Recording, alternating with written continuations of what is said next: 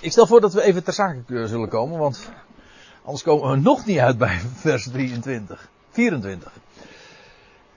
Vers 19, daar schrijft Paulus dit. U groeten de gemeenten van Azië.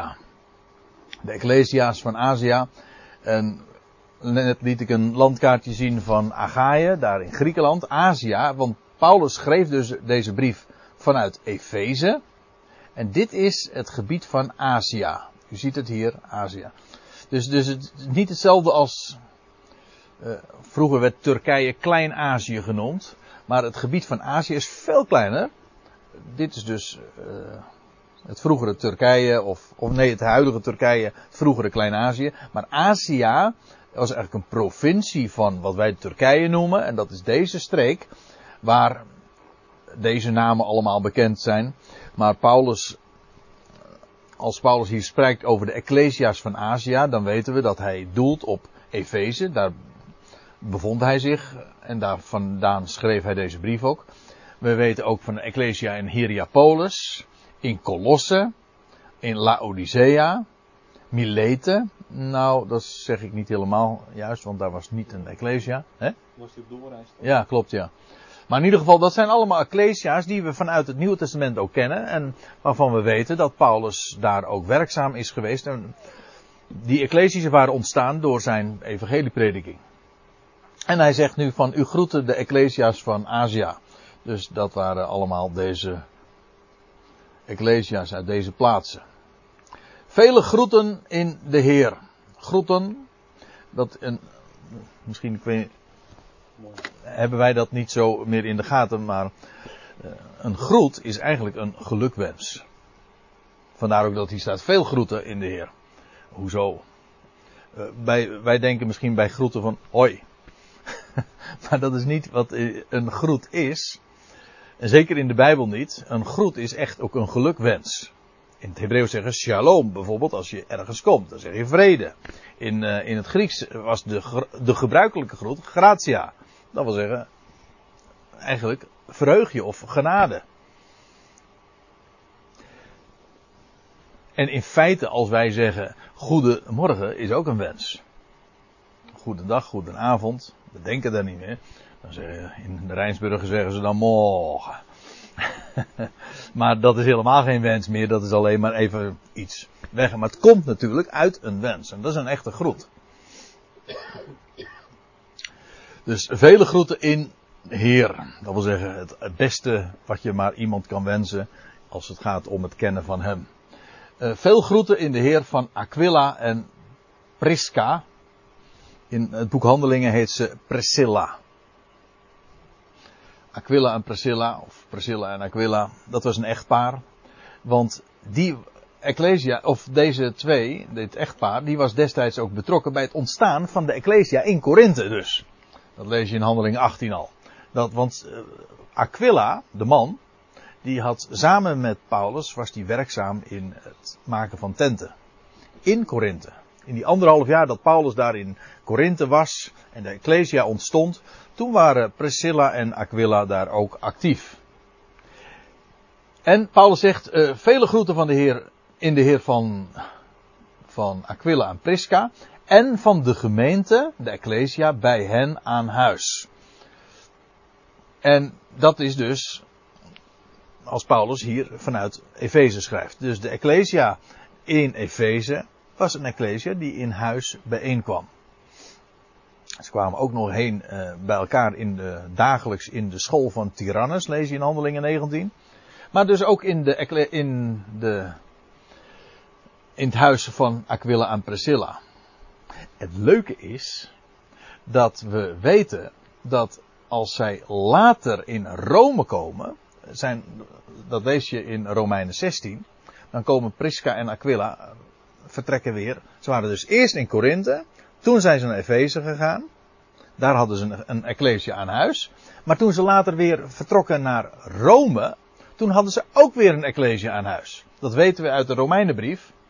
Want dan staat daar, dan zegt Paulus, uh, groet Prisca en Aquila, mijn medearbeiders in Christus Jezus, mensen die voor mijn leven hun, hun hals gewaagd hebben. Niet ik, eh, niet ik alleen ben hun dankbaar, maar ook al de heiden, de ecclesia's van de natie, de heidengemeente. Groet insgelijks, nou komt het, groet insgelijks de ecclesia bij hen, dat wil zeggen Prisca en Aquila, bij hen aan huis. Dit schrijft hij aan de ecclesia in Rome. Dus toen ze later in Rome kwamen, toen hadden ze wederom een ecclesia bij hen aan huis. Zoals je wel vaker leest over ecclesia's ten huize van. Ik zei al, wij denken natuurlijk heel, wij in het algemeen traditioneel, kerkelijk. Dan denk je in termen van kerkenraden en kerkgebouwen. Maar dit was een heel natuurlijk, organisch gebeuren. Een boodschap ging, deed de ronde. Men had geen kathedralen, geen kerken, geen instituten, geen bisschoppen, geen, helemaal niets. Het was low profile, heet dat uh, tegenwoordig met een mooi woord. Maar het was zo organisch. De Ecclesia was geen organisatie, het was een organisme. Dat is een groot verschil. Een organisatie wordt geleid door een instituut, heeft een ledenlijst en heeft een bestuur. En de Ecclesia heeft dat alles niet, maar die heeft een hoofd. Het is een lichaam. Met een hoofd in de hemel. Die leidt dat. En je ziet ook hoe organisch dat allemaal functioneerde. En men kwam samen in de huizen. En ja, het is geweldig als je dat zo ook uh, mag ontdekken en lezen. Hoe dat er aan, toen aan toe ging. En dan gaat Paulus nog even verder. U groeten al de broeders. Dus mocht ik er nog meer vergeten zijn. Hij noemde die van Azië, maar u groeten al de broeders. En dan moet ik er nog even bij zeggen, moet je tegenwoordig in de geëmancipeerde tijd erbij zeggen, dat is dan, uh, als Paulus dan formuleert de broeders, dan is dat inclusief de zusters. Groet elkaar met de heilige kus. Uh, ja, maar dan, de vraag is dan, hoe dan? Want ja, wat is een kus?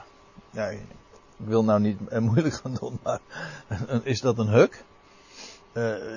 Is dat elkaar gewoon op de wangen raken? Is dat elkaar van mond om Dat is wat wij dan ook een kus noemen, maar dat, dat is in ieder geval niet de heilige kus. Dat wat minnaars doen. U begrijpt wel, een kus, eigenlijk het Griekse woord is trouwens iets. Dat, daar zit nog het woordje filie in, dat is filio. Dat heeft te maken met een, een uiting van genegenheid, dat is het. Maar hier gaat het over de heilige kus. Dat wil zeggen de kus zoals heiligen, de gelovigen, degenen die apart gezet zijn, elkaar begroeten. Het gaat er niet om dat elkaar. Hij zegt niet groet elkaar met de kus. Nee, hij zegt groet elkaar. En jullie komen elkaar tegen, jullie groeten elkaar en dan kussen jullie elkaar. Laat het een heilige kus zijn, zoals heiligen dat doen. Het is geen voorschrift over zo moeten jullie elkaar groeten met een kus. Nee, het gaat erom met de heilige kus. Dat wil zeggen, met het besef en het bewustzijn dat je bij elkaar hoort als heiligen, als apart gezette. En zo elkaar het, alle, al het goede wensen en delen met elkaar. Dat is echt wat groet elkaar ook inhoudt. Datzelfde zien we trouwens nog in andere passages in Romeinen 16, 2 Korinthe 13, 1 Thessalonica 5. Diezelfde uitdrukking, de heilige kus. En dan zegt Paulus nog een eigenhandige groet. Dus je ziet echt, dit zijn afsluitende opmerkingen. Een eigenhandige groet van mij, Paulus. Het louter feit dat hij dat zegt, dat het een eigenhandige groet nog is, betekent dat de rest van de brief gewoon gedicteerd is. Hij schreef dat niet zelf. En vermoedelijk heeft hij het gedicteerd aan Sostenus, een naam die we verder rest niet meer tegenkomen, maar hij begint zijn brief nou zijn we dus aan het eind, maar het begint zijn brief in hoofdstuk 1 vers 1 met uh, Paulus en Sostenus aan de Ecclesia van Korinthe. Waarschijnlijk is dan, ik kan het niet 100% bewijzen, maar waarschijnlijk is die Sostenus degene die die brief dus opgetekend heeft. En Paulus dicteerde hem. Je leest in Romeinen 16 dat ook, dat hij, dan lees je zelfs ook de, hey, hebben we hem. Ik had het eerder vanavond over Tertius, weet u nog? Zijn naam betekent derde. Nou, ik, Tertius, die de brief, dat, hier gaat het dus over de Romeinenbrief, die de brief op schrift gebracht heb, groet u in de Heer. Dus dan komen we er ook echt expliciet achter wie die Romeinenbrief inderdaad heeft opgetekend. Maar, ik moet er ook bij zeggen, die eigenhandige groet was ook kenmerkend voor Paulus' brieven. Hij zegt in 2 Thessalonica 3 vers 17, als hij brief, die brief dus ook afsluit, dan zegt hij, een eigenhandige groet van mij, Paulus. Dit is een waarmerk in elke brief, zo schrijf ik. Want, het punt is, we lezen dat ook in diezelfde tweede Thessalonicense brief, dat er nog ook valse brieven in omloop waren. En vandaar dat het dus van belang was om een waarmerk te hebben. Toen al. Toen al. Ja. Dus gewoon. Onder zijn naam werden er dus ook valse dingen geschreven. Een vals account, dat is tegenwoordig op internet. Maar uh, een valse brief in omloop brengen. Paulus deed dat dus in elke brief. In de gelaten brief, dat is ook nog interessant, ik heb daar nu geen aantekening van of een diaatje van. Maar dan lees je uh, dat Paulus zegt, ziet met hoe grote letters ik u schrijf, eigenhandig schrijf. Dat heeft dan weer te maken met het feit dat Paulus uh, kennelijk een, een oogaandoening gehad heeft. Dus als Paulus dan ging schrijven, waren dat het koeienletters. Dat, in diezelfde gelaten brief lees je ook dat uh, aanwijzingen in die richting. Dat, hij, dat er iets mankeerde aan zijn ogen. Hij zegt tegen die gelaten, hij zegt, jullie hielden zoveel van mij. Als, als het mogelijk was geweest, hadden jullie je ogen aan mij gegeven. Dat suggereert dus al dat er iets aan zijn ogen mankeerde. Maar goed, hij sloot zijn eigen brieven altijd af met een eigenhandige groet en nog een paar andere dingen misschien. En dan zegt hij, zie met hoe grote letters ik uw eigenhandig schrijf. Ja, en dan vinden we nog iets, een, een, een woord waar velen zich aan gestoord hebben. En wat ook zeer misverstaan is. Het, een van de, de, bijna de laatste ver, het laatste vers van de eerste Korinthebrief. Indien iemand, laten we het even zinsdeel voor zinsdeel lezen. Indien iemand de Heer niet lief heeft. Eerst even dit. De Heer. Dat wil zeggen, de Heer, dat wil zeggen, zoals ik hem jullie verkondig. De Heer ook en zijn genade. Ik, hou, ik licht het nog niet toe, maar volgende vers zullen we dat ook zien. De Heer, Jezus Christus, en alles wat in hem verankerd ligt. En dan zegt hij, indien iemand die Heer, let nog even trouwens op, het staat de Heer. Het staat niet zomaar een Heer, nee, de Heer. Hij die ik jullie heb gepredikt. Indien iemand de Heer niet lief heeft. Nou heb ik vanavond al een paar keer gesproken over het woordje agape. Maar dat is niet wat hier staat. Hier staat dat woordje filio. En dat is dus niet die goddelijke liefde, dat is zwakker. Het is houden van, affiniteit hebben met. Zoals wij trouwens ook heel veel woorden nog hebben met filie. Je kan, uh, ja, hoeveel woorden eindigen niet met uh, fil, uh, filie. Maar ja, u denkt misschien nu aan homofilie en pedofilie. Dat kan ook nog. Maar, uh, wat zeg je? Oh, dat dacht ik niet aan. Maar welke dag, aan welke dacht u dan? Er zijn zoveel woorden die daar natuurlijk mee te maken hebben. Maar dat is affiniteit hebben met houden van. Indien iemand de Heer geen affiniteit heeft met die Heer. Dat is het. En zelfs, hij spreekt hier dus de Ecclesia van Korinthe aan. Indien iemand, de Heer, hij die ik jullie verkondig, daar niks mee heeft, geen affiniteit heeft, mee heeft, dan zegt hij, die hij zij vervloekt. Nou, daar staat, laat hem zijn anathema. En anathema is eigenlijk niet eens een vervloeking. Anathema betekent eigenlijk, dat woordje ana, dat betekent iets omhoog brengen. En thema, dat is iets neerzetten. Dus uh, het uh, idee is dat. Even, heb ik hier. Nee, ik heb daar geen een specifiek diaatje van. Maar het woord wordt gebruikt dat als jij je handen van iets aftrekt In de Griekse vertaling van het Oude Testament wordt het, komt het woord ook heel vaak voor. En dat betekent als bijvoorbeeld als daar Jericho verwoest is, dan lees je dat er een banvloek uh, ligt op alles wat daar uh, in de legerplaats van Jericho lag. En men mocht dat niet pakken. Men mocht, daar niks van nemen. Het lag onder de ban. Dat wil zeggen, het was aan de Heer gewijd. De mensen mochten daar niet aan zitten. Het was van de Heer. De Heer zou daarmee doen wat hij wilde. Dat is dat, is dat woordje anathema. Een mens trekt zich ze daarvan terug. En je laat het oordeel aan God over. Dat is anathema. En Paulus gebruikt dat woord uh, vaker. Nou, een paar keer. Bekend is deze. In Galaten 1. Paulus had daar in Galatië het evangelie van Gods genade verkondigd. En wat gebeurde daar nu? Er waren predikers gekomen, judaïsten, en die zeiden van ja, maar je moet ook de wet houden. Als je echt wil groeien in het geloof enzovoort, moet je ook de wet houden. Nou, en dan reageert Paulus furieus. Dan zegt hij in vers 8, maar ook al zouden wij, wij zelf dus, zelfs, Paulus sluit zichzelf erbij in, of een engel uit de hemel, overtuigende kan toch niet, zou je zeggen. U een evangelie verkondigen afwijkend van hetgeen wij u verkondigd hebben.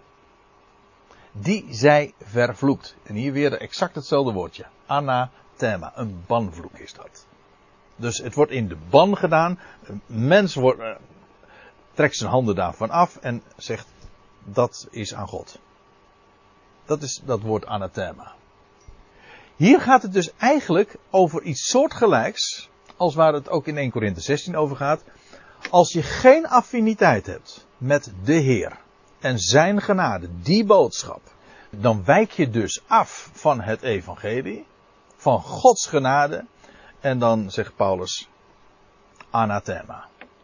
Ik heb er geen moeite mee om dan te zeggen van die zijn vervloekt, maar dan moet je goed weten wat vervloekt zijn betekent. Vervloeken wil zeggen, je onttrekt je ervan, je hebt er geen gedeel aan, je wil er geen gemeenschap mee hebben, je wil er geen deel aan hebben en je laat het oordeel aan God over. Dat is anathema. En dat is wat Paulus ook eh, hier ook eh, over eh, die afwijkende opvattingen over het evangelie zegt. Paulus zegt maar niet van nou ja, jullie je ding, het maakt niet zoveel uit.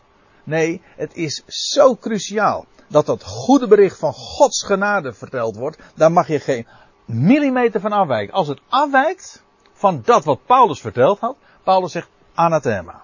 Ik heb daar geen deel aan en God zal zijn oordeel daarover geven. En wat hij tegen die Corinthiërs dus zegt, blijf in die boodschap staan. En als je daarvan afwijkt, bijvoorbeeld dus ook wat daar in Korinthe gebeurde, dat sommigen de leerden dat er geen opstanding der doden is. Ja, dat is zo'n fundamentele afwijking van het evangelie. Paulus wil daar niets mee van doen hebben. Hij zegt ook, dat is geen evangelie. En daarover spreekt hij het anathema uit. En dan hebben we nog één. En nou wordt het misschien voor sommigen wat schokkend. Dan zegt hij Maranatha. En wat betekent Maranatha? ja, het is waar, of bijna waar. Maar, ik moet erbij zeggen. Zo is dat niet. Ja, Maranatha is ons wachtwoord. Als je een zoeklichtachtergrond hebt, dan, dan, dan eh, Maranatha-christenen, dat zijn christenen die geloven, eh, die kijken uit naar de uit, wederkomst van de Heer. Dat is niet helemaal ten onrechte, dat moet ik erbij zeggen. Maar ik zal u dit vertellen, Maranatha in het Hebreeuws betekent gewoon een vloek ben jij. Ja, ik kan het ook gewoon bewijzen. In Malachi 3 vers 9, daar zie je Mara Ma, mara, uh, ata, of atem. Nou ja, dat is dan meervoud. Ata betekent ben jij, atem is ben, zijn jullie. Maar hier in Malachi 3 staat er dat woord mara, atem. En dat wordt er ook in de MBG staat, een vloek zijn jullie. Maar dat is toch precies waar Paulus het over had. Indien iemand geen affiniteit heeft met de Heer, die ik jullie verkondig heb. Anathema. En dan zegt hij het vervolgens in het Hebreeuws erachteraan, Maranatha. Dat, in Korinthe spraken ze natuurlijk geen Hebreeuws, maar Paulus noemt die twee dingen. Gewoon, anathema is een Grieks woord, Maranatha geen Grieks woord. En dat is precies wat het betekent. Maar dat is niet het hele verhaal. Want er zit ook nog een woordspeling in. Want het klopt wat anderen er ook over zeggen. Wat, dat is het bekende verhaal. Wat u zojuist al aangaf. In het Aramees, dat is een Hebreeuws dialect, betekent onze Heer kom. Dat hangt er van af, dus met wat voor oren je luistert. Dat geldt voor. Ik, ik geef les aan, Nederlandse lessen aan Polen.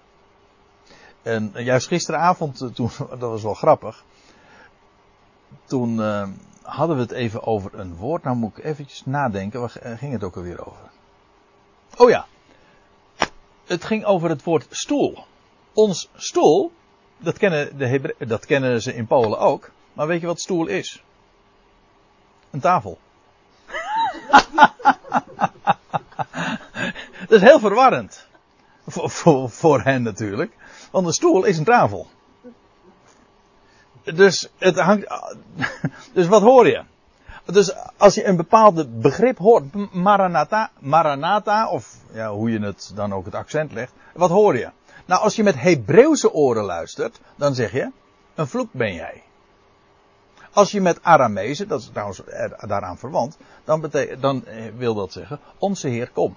Dus Paulus kende al deze, kende Grieks, hij kende Aramees, hij kende Hebreeuws.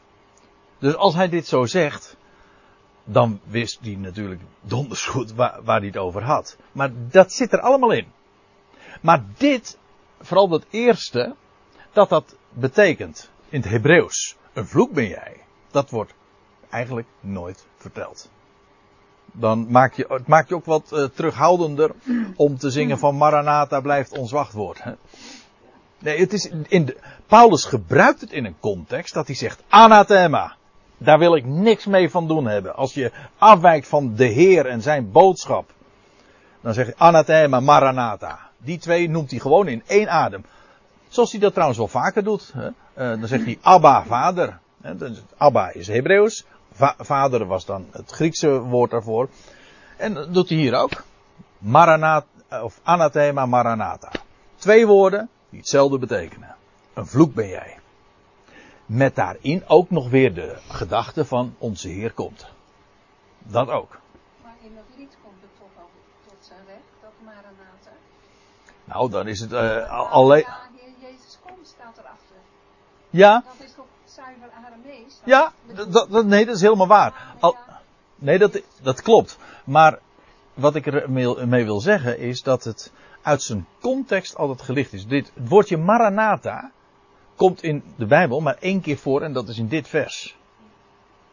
En het wordt tegenwoordig altijd gebruikt als een aanduiding van onze Heer komt, ons blij vooruitzicht. Maar dat is niet de essentie. Kijk het in zijn context, dan gaat het juist over anathema, maranatha. Daar staat het in. Dus uh, het is nou niet een verblijdend woord. Het staat juist in de context van dat iemand de Heer niet lief heeft. En dan wordt er tegen gezegd Maranatha. We kennen het trouwens wel. Dat is wel, kan ik er ook nog even bij zeggen. In het Hebreeuws is het Mara Atem. Atem betekent gewoon jullie. Maar dat woordje Mara kennen we allemaal. Bitter. Ja. Naomi, weet je wel, Naomi betekent liefelijk. En toen kwam ze, had ze al die verschrikkingen daar in het land van Moab meegemaakt, de hongersnood. Ze was er man kwijtgeraakt, de beide jongens. En dan komen ze terug in Bethlehem. En dan zeggen ze, oh is dat niet Naomi? Zegt, nee, noem mij maar geen Naomi meer. Noem mij maar Mara. Want de Heer heeft mij al dit kwaad aangedaan. Vol ben ik heen gegaan en leeg ben ik teruggekeerd. Noem mij Mara. Bitter. Nou, dat is dit woord. Mara. Dus zo vreugdevol is dat niet. Kijk het maar na in de context. Het is gewoon uh, zoals het is. Nee, dat weet niemand. ik, ik vrees voor niet. Uh, mensen kennen de achtergrond niet van, van, die, van die combinatie anathema maranatha. Ik uh, moet zeggen, ik heb er heel veel moeite mee om het, uh, nu nog zulke liederen te zingen. Vooral omdat je weet wat er wat daar ook gekoppeld is aan dat woord. Maar ja, als je het niet weet, kan het Nou, dat is de andere kant van het verhaal. Want ik vraag mij nou bijvoorbeeld af, in hoeverre verrijk ik u nu met dit inzicht? Want ik eigenlijk, u dacht dat Maranatha zoiets moois betekent. En nou, en nou neem ik, en nou, nou stel ik u teleur. Door te zeggen van nou, zo mooi is die betekenis niet. Maar weet u, ik wil u geen mooie verhaaltjes vertellen. Ik wil u gewoon vertellen wat er staat. Nou, dan tenslotte nog, eh, de genade van de Heer Jezus zij met u. Zo eindigt Paulus trouwens al zijn brieven. De genade van de Heer. En ziet u, dat is precies wat ik bedoelde toen hij het in het voorgaande vers zei, indien iemand de Heer. Wie is die Heer? Dat is de Heer zijn genade. En waar Paulus zijn anathema over uitspreekt, is als mensen afwijken van die Heer en zijn genade. De genade van de Heer Jezus. De Heer, de Curios, zij met u. Mijn liefde is, hier is het weer, ziet u, agape. Mijn liefde is met u allen, met jullie allen, in Christus Jezus. Het gaat namelijk over de liefde Gods die geopenbaard is in Christus Jezus. Daar gaat het om en om die genade. En daar zou een mens niet van afwijken, want dan kom je inderdaad in het anathema terecht. Anathema Maranatha. En als we dit 24e vers lezen, dan is, zijn we aangekomen bij het allerlaatste van deze lange brief. Dus daar kan ik niks meer aan toevoegen. En zo eindigt Paulus de brief zeer liefelijk.